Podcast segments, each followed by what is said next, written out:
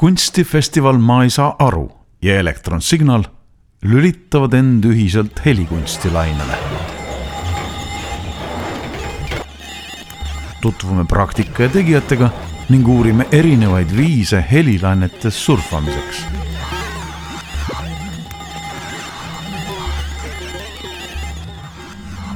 Te ei kujuta ette, kui räve on rääkida kinnise ninaga. õigemini, ma ei tea, see nina tegelikult on lahti, siis ma lasin nohurohtu, aga selline hääl on mul ikka. aga tere tulemast kuulama elektronsignaali taskuringhäälingu sarja Absent Translation. tänase episoodi materjali kogus ja kudus teile helikoeks helilooja, kriitik ja kirjanik slaš luuletaja kusjuures. Gregor Kulla, muuseas räägib praegu Gregor Kulla tore teiega tutvuda. Aga siis, et äh, tänane episood, millest äh, meil siin see tänane episood siis kõneleb mm,? kui te selle pealkirjast ja kirjeldusest juba välja ei lugenud, siis ma räägin teile pisut või noh, toon teieni peegeldusi, helinäiteid võib-olla natuke siseinfot üheksandal ja kümnendal juunil toimunud Telliskivi loomelinnaku festivalilt nimega Ma ei saa aru, edaspidi kasutan lühendit MESA. Aga nendele, kes MESA-st suurt ei tea või et ei tea, et selline festival isegi aset leidis, loen festivali kodulehelt ette nende lühikirjelduse. ma ei saa aru toob igal aastal fookusesse ühe kunstivaldkonna ning avab selle mõistmist mitmekülgselt nii aktiivsetele kunstihuvilistele kui ka neile, kes vajavad huvi kasvamiseks väikest sõbralikku tõuget, et festivali pealkirjas sõnastatud tundest üle saada. Aastal kaks tuhat kakskümmend kolm on festivali fookuses helikunst. festivali eel, kümnendal mail avame loomelinnaku Rohelises saalis näituse Eesti helikunstnike uudisteostega. üheksandal ja kümnendal juuni, üheksanda ja kümnenda juuni festivalipäevadel toimub kokku kolm vestlusringi. Mitu helikunsti teemalist töötuba nii täiskasvanutele kui lastele, traditsioonilised helide skautimised ning mitmed performance'id ja eriüritused. kõik. aga jõuame ka siis selle asja juurde või nende helinäidete või peegelduste juurde mm ma ei tea, ma ei taotle tegelikult selle, selle pisikese episoodiga siin mingit distantsi sellest festivalist ega ei võta mingit kriitiku positsiooni või vähemalt püüan, püüan, püüan võtta mitte kriitiku positsiooni. Äh, sest äh, teisel festivalipäeval oli ka minu performance kavas. mis minu arvates läks hästi, minu arvates läks see päris, päris hästi mm jah, sest me rääkisime ka pärast back, backstage'is, backstage'is äh, nende nii korraldajate kui ka etendajatega. et see sobis seda festivali, ma ei tea, performance plokki, kui seda nii võib kirjeldada, avama, sest lastele läks see minu meelest päris kenasti peale, noh, ma ei näinud, pilte nägin, sealt tundus päris tore olevat. täiskasvanutele ma ei tea, kui palju. Äh, jah, seda ma ei tea, aga ma ei tea, ma tegelikult ei, ei räägi sellest enam. ma ei räägi sellest enam, sest äh, ma niikuinii, Sanna küsib mult mingis intervjuus seda, mis, mida me varsti kuuleme. ja seal saame natuke teada, aga nii palju siis distantsist, ma tahtsin tegelikult sellest distantsist praegu rääkida, mitte oma performance'ist uh, enne kui lähme siis selle väga-väga-väga lahtise vormiga intervjuu või õigemini intervjuude juurde, tähistame seda eelnevat mula üheksanda juuni õhtul kõlanud Roomet Jakobi improvisatsioonidega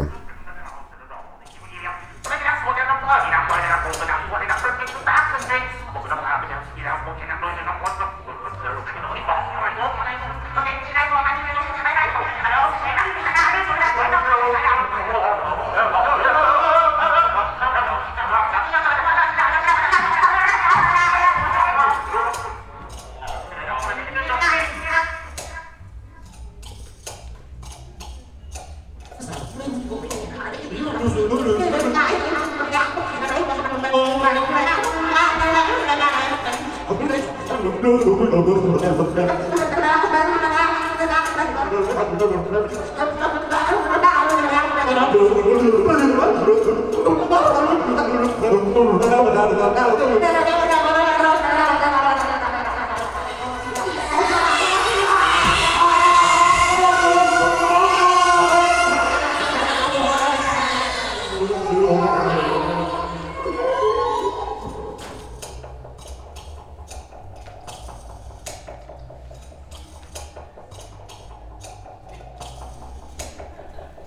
järgnev keskuste elu toimus pärast vestluspaneeli nimega Miks, kes, kus, heli, muusika ja helikunst. see toimus F-hoone mustas saalis ning seda modereeris Marin Ektermann. osalesid Liisa Hirš, Roomet Jakapi ja Raul Keller. nüüd mõtlevad valjult mina, Sanna Kartau, Sigrid Savi ja Mikk Oja sõnast helikunst kõneleme sound arti tähenduses. Sannaga me rääkisime siis sellest, et mis probleemid on muusikamaastikul mm, -hmm. mis sulle sellest nagu meelde jäi, mis küsimusi sellest tekitab? kas sa mõtled muusikamaastikul või sa mõtled helikunsti, helikunstimaastikul? Minu meelest nagu, ma jõudsin hilja kohale, nii et ma ei kuulnud poolt diskussiooni. Äh, teine pool, mille ma kohal olin, selle täitis äh, vestlus äh, definitsioonide üle, mis mind ei kõnetanud. sest et helikunst, eriti need kõige paremad kogemused sellest, mis mul on olnud, on alati nagu preverbaalsed, väga füüsilised ja ka emotsionaalsed. et nagu nende sõnade sinna juurde leiutamine tundub isegi mõnes mõttes selle nagu vormi eetose tegevuse vastu olemine, aga ma olen ka äh, nagu diletant, nii et. kas teid muidu ei huvita ka määratlused? muidu huvitavad määratlused küll ja. no ütleme, minu meelest nagu määratlustel on enamasti poliitiline mõju ja kui ja noh, ma ei, ma ei tea, mis on helikunsti nagu poliitiline roll nii Eestis kui välismaal, ma eeldan, et see ei ole väga suur. ma ei ole näinud ühtegi poliitilise taotlusega helikunsti teost ausalt öeldes. Sa oled või? Maria Fausti Maarja-Missa jaa, auto, vot on see helikunst või ei ole okei, I see what you did here no akadeemiliste kaalutluste järgi see on helikunst, helilooja. jaa, okei okay. no siis on, näed, mina olen see Müürilehe põlvkond, kes kasutab neid. Äh, mina toon Müürilehe põlvkonda surnud nagu sa oled see sild. väga hea. Sigrid. Ei, ma ei tea, mis see küsimus oli? ei nagu, mis muljed sulle jäid sellest, mis sul meelde jäi? Ähm, no, no kuigi ma terminoloogiast midagi ei tea, siis tegelikult see jäi kõige rohkem meelde, sest äh, see oli ka natukene etenduskunstide kriitiline ja siis ma mõtlesin, et pekki mida ma olen sinna kirjutanud? Ma arvan, et hele, helikunstnik ja helikunstnik ja et seda oli tore tegelikult kuulda ja, ja, ja ei läinud liiga spetsiifiliseks õnneks. Et, ähm, et siis ma mõtlen teinekord ka tõesti uuesti järele. Määratluste teemale vaadata, aga nagu mingi helikunsti üldine, kas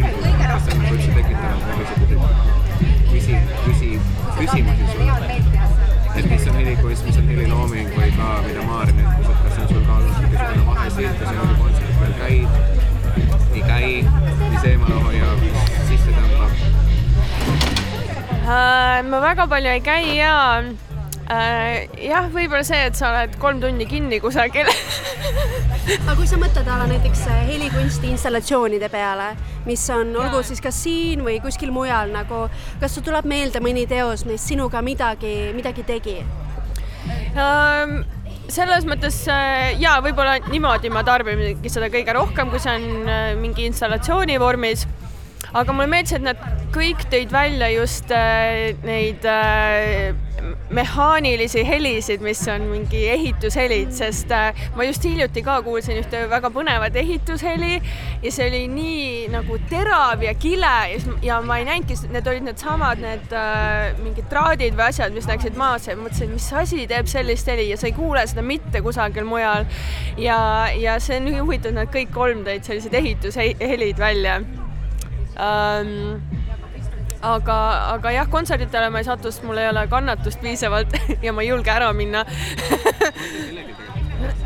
Ma ei tea ja, aga, aga samas justkui hiljuti oli see uudis sellest äh, orgastilisest kuulajast, siis ma täiega kujutasin seda ette, et see on täiega mingisugune asi, millesse nagu, mida ma tahaks nagu kogeda või millesse, et mis üks naine sai Tšaikovski viiendat kuulates orgasmi kontserdisaalil. ja just ta oigas ja, ja, ja ma olin nagu oh my god, et see võibki olla, sest nagu kui ma olen mingeid äh, pungikontserdil käinud, siis ma olen niimoodi, et kui keegi lihtsalt nagu möirgab täiesti õhus, siis ma panen silmad kinni ja siis mul käib see värin üle keha ja siis ma, siis mul tekib nagu naeratus näol ja siis ma olen nagu oh my god, see on nii hea et mingeid nagu pungikontserteid või selliseid ja kui nad ikka noh, nagu täiesti just nagu karjuvad hästi sügavalt, siis see käib mu tervest kehast läbi. ja siis ma kujutasin ette, et ega, et nagu kui ma panen silmad kinni, siis ma võin midagi sellist ka Tšaikovskit või mis iganes kuuletasid, aga aga see on natuke pingutus, see on te teistmoodi sisseminek, aga kõige sellise äkilisema füüsilise kogemuse ma saan, ongi mingid nagu pungikontserdid ja, ja selline madal, suur nagu möirgamine see, ja see lihtsalt käib tervest mu kehast läbi um,. ja et uh, mulle meeldib, et need jah, need masinahelid tõid kõik välja need on tõesti väga erilised ja kuigi me vihkame kõike seda mingi tellist ja kõike seda, siis äh, midagi. küsimus on kontrollis nagu yeah., et kui miski on meie kontrolli alt väljas, siis see ei meeldi meile, kui peale surutakse. kui see meie kontrolli all on või vähemalt kellegi mingi kunstilise visiooni kontrolli all, noh siis see rekontekstualiseerib seda täielikult. juba siis nagu sa hakkad seda hoomama ja tekib mingisugune kontroll mm. -hmm. keegi kõrgendab ta sinu jaoks ja, ära, eks ju mm -hmm.. Mikk, mis sinu muljed on olnud? Jõudsid ka hilja või? ei, mina olin esimesena kohal, et ma peaksin, ma kuulasin tervet seda asja väga tähelepanelikult. aga ega siin mingit kasu sellest ei olnud, et ma vara kohal olin, sellepärast et äh, väga palju ma siit midagi ei õppinud. Äh, ma arvan, et asi ei olnud äh, nendes inimestes, kes rääkisid, pigem oli lihtsalt selles kuulajas, kes ei suutnud midagi aru saada terminoloogia, nojah, see oligi väga üllatavalt terminoloogiline sihuke äh, kemplemine mm..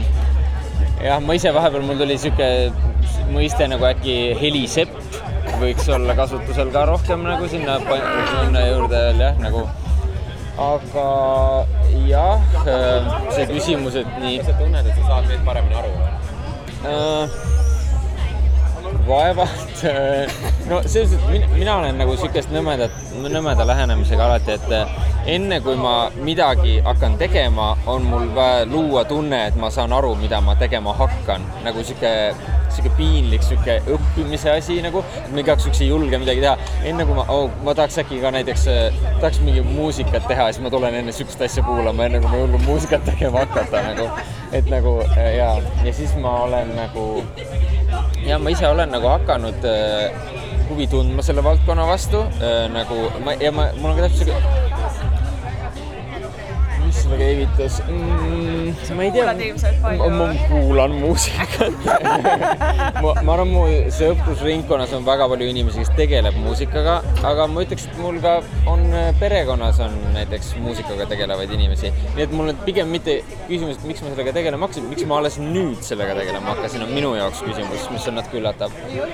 aga, aga nüüd, kui ma nagu olen sellega tegelema hakanud just nagu ja vaatan näiteks, mida, millega mu sõbrad nagu tegelevad, äh, siis mul on niisugune tunne, et nemad tegelevad hästi palju just nagu niisuguse, siin selles jaotuses selle muusika poolega. Ja mina saan nagu aru niimoodi, et, et tihti niimoodi, et ma ei taha teha mingit ma ei taha mingit lugu jälle teha nagu, et ma kuidagi nagu, see kuidagi nagu, ei, ma seda ei viitsi nagu, et see kuidagi, see, mul on niisugune tunne, et see eristus selle kahe vahel nagu, et helikunst siis või, või ja nagu muusika nagu, et, et see oli selles mõttes natuke nagu kasulik, et ma sain aru, et, et ma ka vist ei oska nagu öelda, kus see üks nagu algab nüüd või kus see nüüd teine on. sisuliselt ma olen nüüd nõus, et asjad ongi väga keerulised. aitäh, aitäh selle eest et nagu ja, et ma, see on ja huvitav sissejuhatus oli, ütleme niimoodi minu jaoks.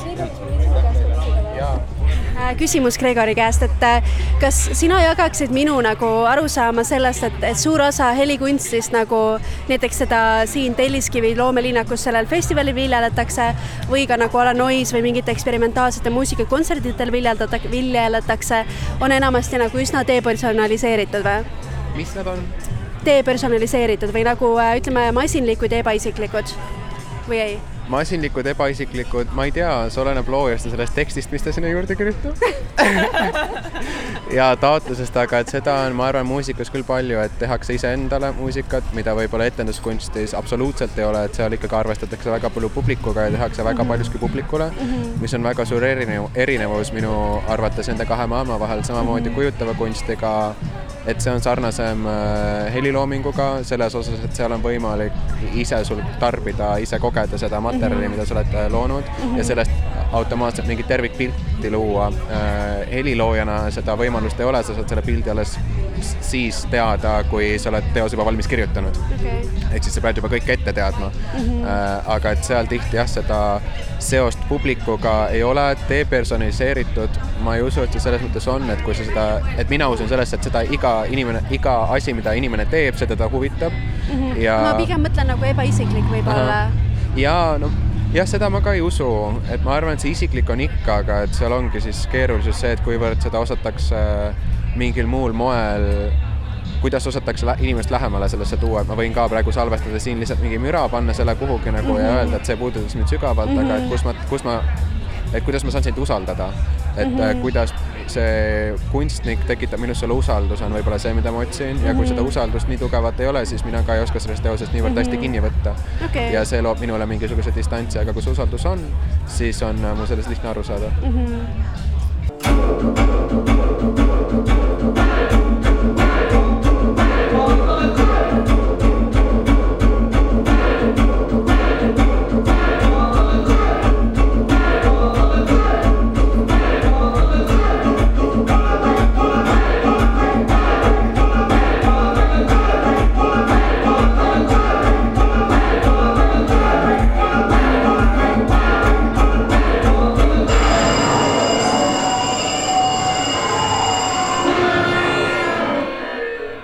Kõlas Jakob Terveldhasi teos Grab it Theodor Sinki esituses. pärast seda tõmbasin rajalt maha helilooja Liisa Hirši ning küsisin talt kõigi lemmikküsimuse. kas äh, on see siis nagu muusika või on see siis nagu ikkagi heli? muusika äh, sellepärast, et äh, seal oli väga selge kompositsioon.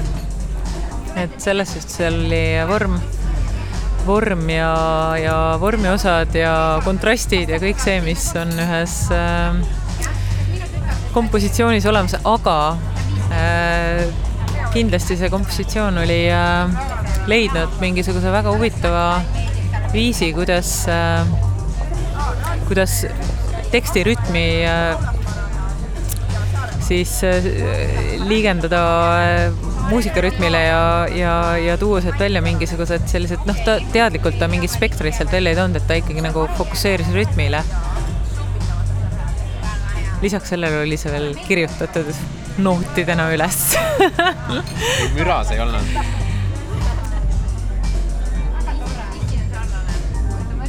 minu meelest äh, mitte kuidagi ei olnud, et see, et see küsimus on nagu selles, et mis on see muusikaline materjal, et kui see muusikaline materjal oli nende äh, vangide, ma sain aru, vangide intervjuud või va mitte vangide intervjuud, aga lihtsalt salvestised äh, sellest slängist ja et see, see oli lihtsalt see heliline materjal, mida, mida ta kasutas.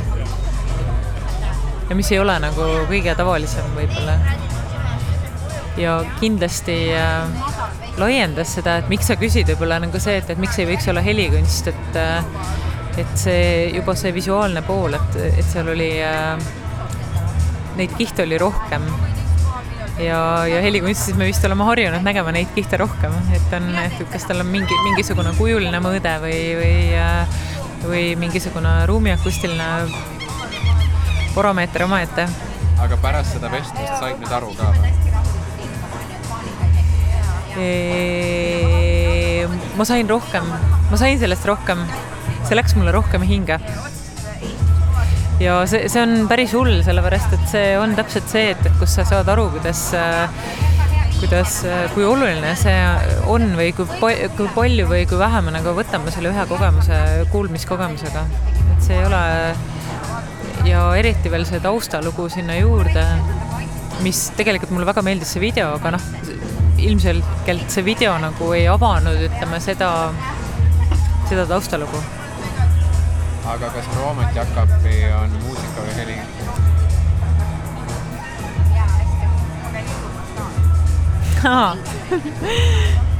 Ehm, no vot, see on jälle see, et, äh, et kui, kui me võtame nagu muusika aluseks nagu kompositsiooni, siis Roomet ilmselgelt on väga hea kompositsioonitajuga ja ta teeb äh, neid improvisatsioone äh, sellest lähtuvalt, et ta hoiab seda aga et äh, jälle küsimus, et kas, et kus on helikunsti kompositsioon, eks, et see tuleb nagu, et see võib samamoodi olla, olla seal väga mitmetes erinevates kihtides aga võib-olla see ei tule niimoodi, võib-olla ta nagu ei pretendeeri ühe, ühe sellise väikese või siis suure muusikalise numbri nagu terviklikkusele.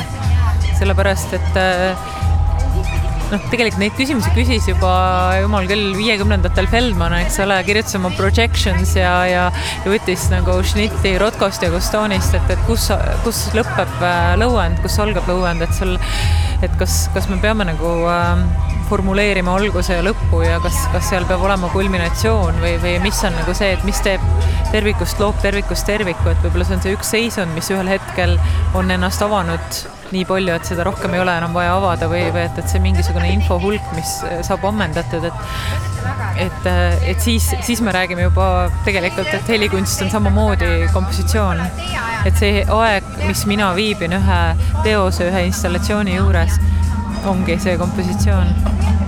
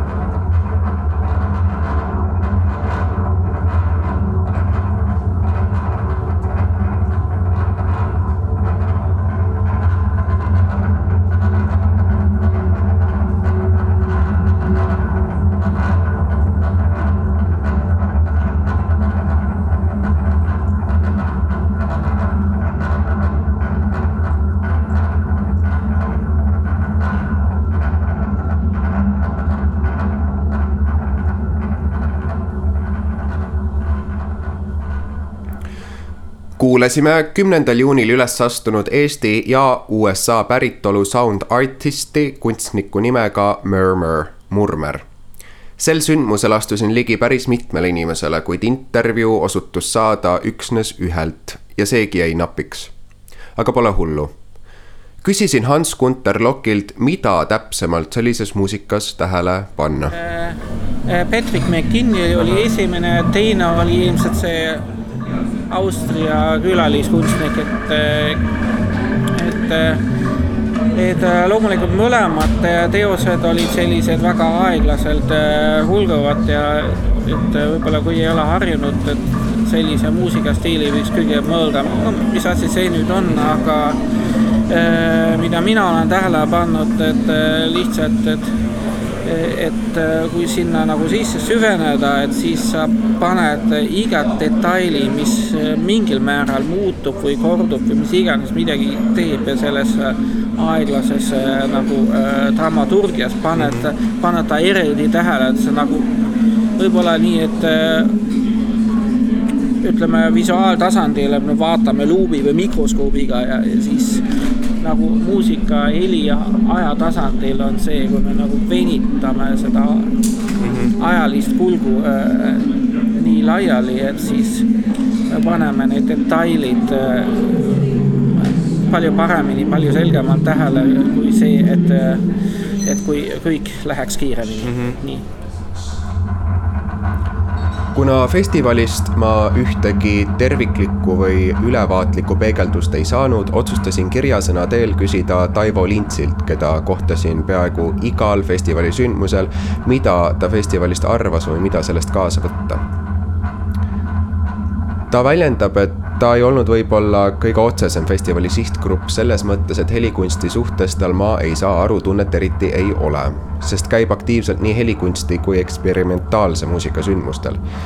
vestlusringides, millest kuulis kahte Taivo helikunsti kohta seetõttu midagi enda jaoks uut ja ootamatut teada ei saanud, aga kuulata oli sellegipoolest tore pigem sai ta ehk senisest rohkem teada vestlusringis osalejate kohta ta toob veel välja, et võib-olla kui eesmärk oli helikunsti ka teooria poole pealt sisuliselt ja sügavamalt avada, siis oleks ehk abiks olnud, kui vestlusringi alguses oleks olnud kompaktne ja hoolikalt ette valmistatud ülevaade, ettekanne selle mõiste ja teema ajaloost ja tänapäevast.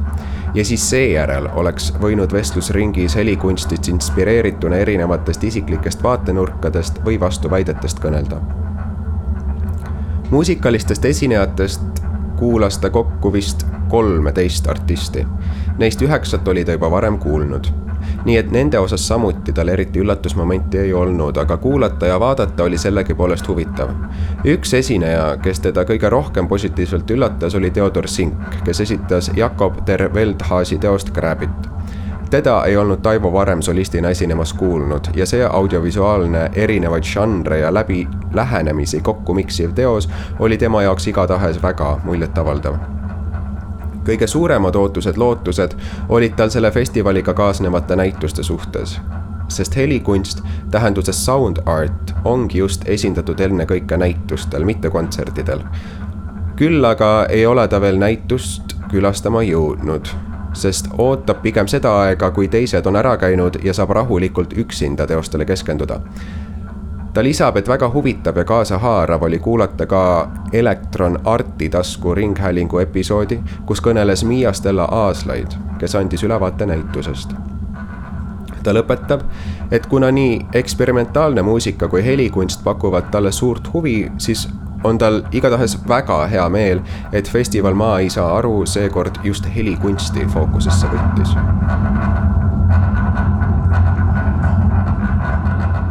ja ega rohkem mul ei olegi midagi lisada. loodan, et see nasaalse häälega episood pakkus teile mingitki mõtteainet ja oli kaudseltki jälgitav nii mõnedki ülesvõtted leidsid aset üsna valjus keskkonnas ja ma vabandan selle pärast, aga võib-olla oli ka huvitav, ma ei tea. mina olin siis Gregor, Kulla ja see, see oli Electron Signali episood sarjast Absent Translations. aitäh, et kuulasid ja jõudsid siiamaale ja soovin sulle ilusat päeva, hommiku, õhtu või öö jätku